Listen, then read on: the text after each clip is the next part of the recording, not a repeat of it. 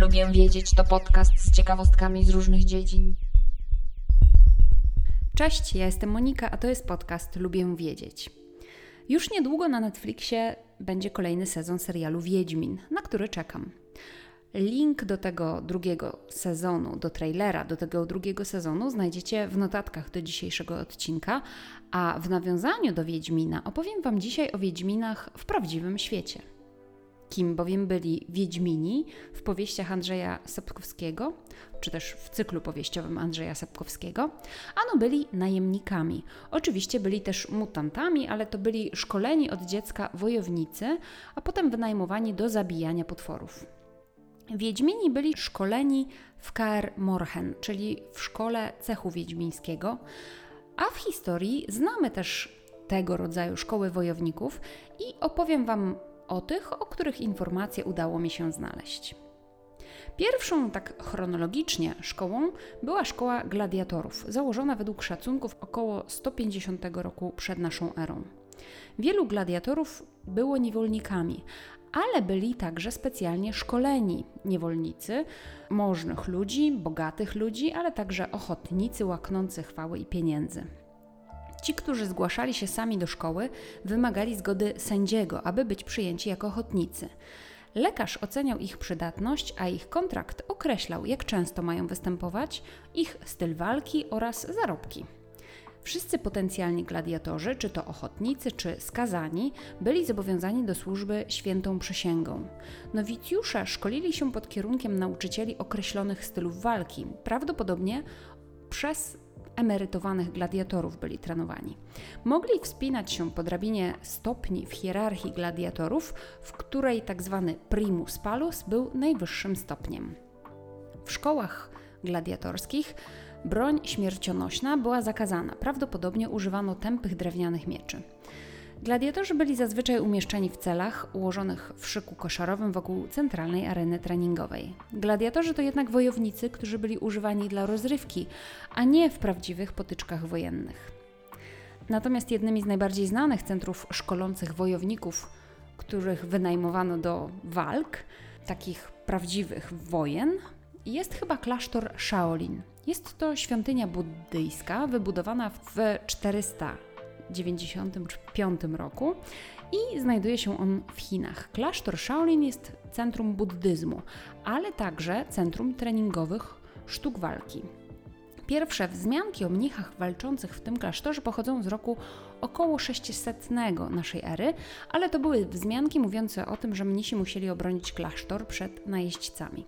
Dopiero w mniej więcej w wieku XVI-XVII pojawiają się źródła pisane, które opisują mnichów z Shaolin jako sprawnych wojowników używających włóczni, halabart, mieczy lub walczących wręcz. Szczególnie doceniana była w tych źródłach umiejętność walki mnichów z Shaolin za pomocą kija. Te dokumenty poświadczają także, że generałowie chińscy traktowali klasztor Shaolin jako centrum wojskowe, a nie religijne. Klasztor ten oddelegowywał różne ilości mnichów do udziału w różnych bitwach.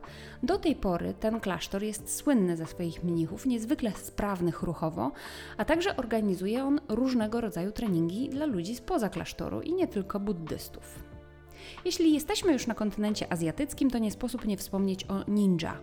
Byli to tajni agenci lub najemnicy w feudalnej Japonii, którzy specjalizowali się w działaniach specjalnych, w wywiadzie, rozpoznaniu, zabójstwach na zlecenie. Ich podstępne metody były sprzeczne z surowymi zasadami honorowych samurajów. Działali ninjowie od około 1185 roku do mniej więcej 1868 roku. Pierwsze specjalistyczne szkolenia rozpoczęły się w połowie XVI wieku, kiedy niektóre rodziny samurajów zaczęły koncentrować się na szpiegowstwie i zabójstwach. Ninja przechodzili już na świat w rodzinach, w których bycie ninja przekazywano z pokolenia na pokolenie. Trenowano nie tylko sztuki walki, ale także sztuki przetrwania i skautingu, a także uczono się o truciznach, o materiałach wybuchowych. Ważny był również trening fizyczny, który obejmował biegi długodystansowe, wspinanie się, skradanie się czy pływanie. Walczyli oni przy pomocy wielu różnych narzędzi i broni. Skoro wspomniałam już samurajów, to rozwinę trochę i ich temat. Początkowo była to świta służąca najwyższym dostojnikom japońskim, a potem także gwardia cesarska.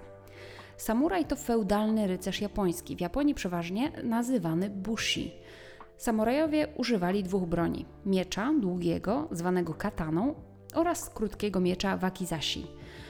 Ale byli szkoleni także w posługiwaniu się łukiem, czy też innymi rodzajami broni, jak na przykład włócznia, czy też wachlarz bojowy.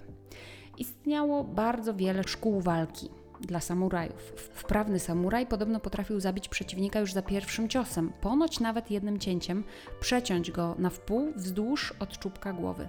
Te umiejętności wynikały podobno ze sposobu walki, który polegał przede wszystkim na rozpoznaniu szkoły walki wroga i jego techniki, dzięki czemu samuraj mógł bardzo szybko kontratakować.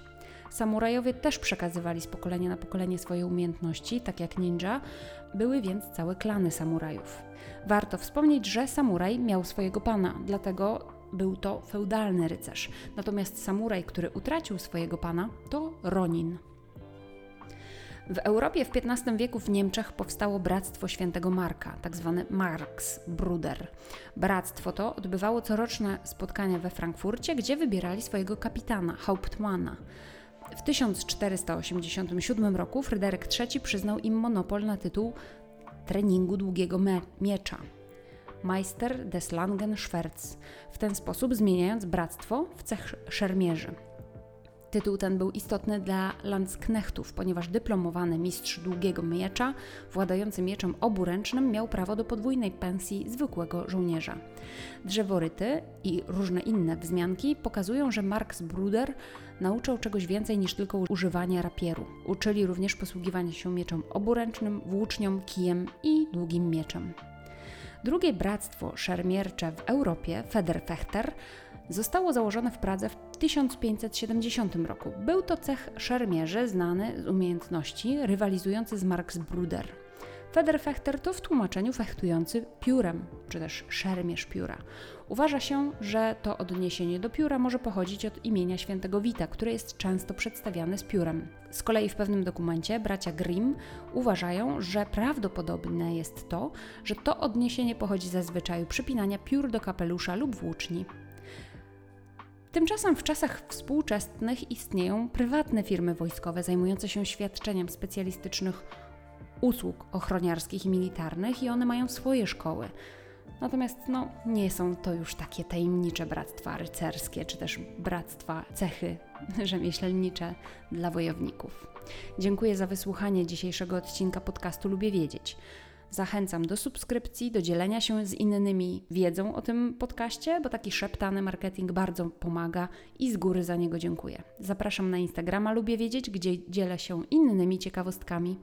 Mam także Instagrama oddzielnie dotyczącego książek, które czytam, więc zapraszam na tamto konto także Fiszkowa Kartoteka. Do usłyszenia, cześć.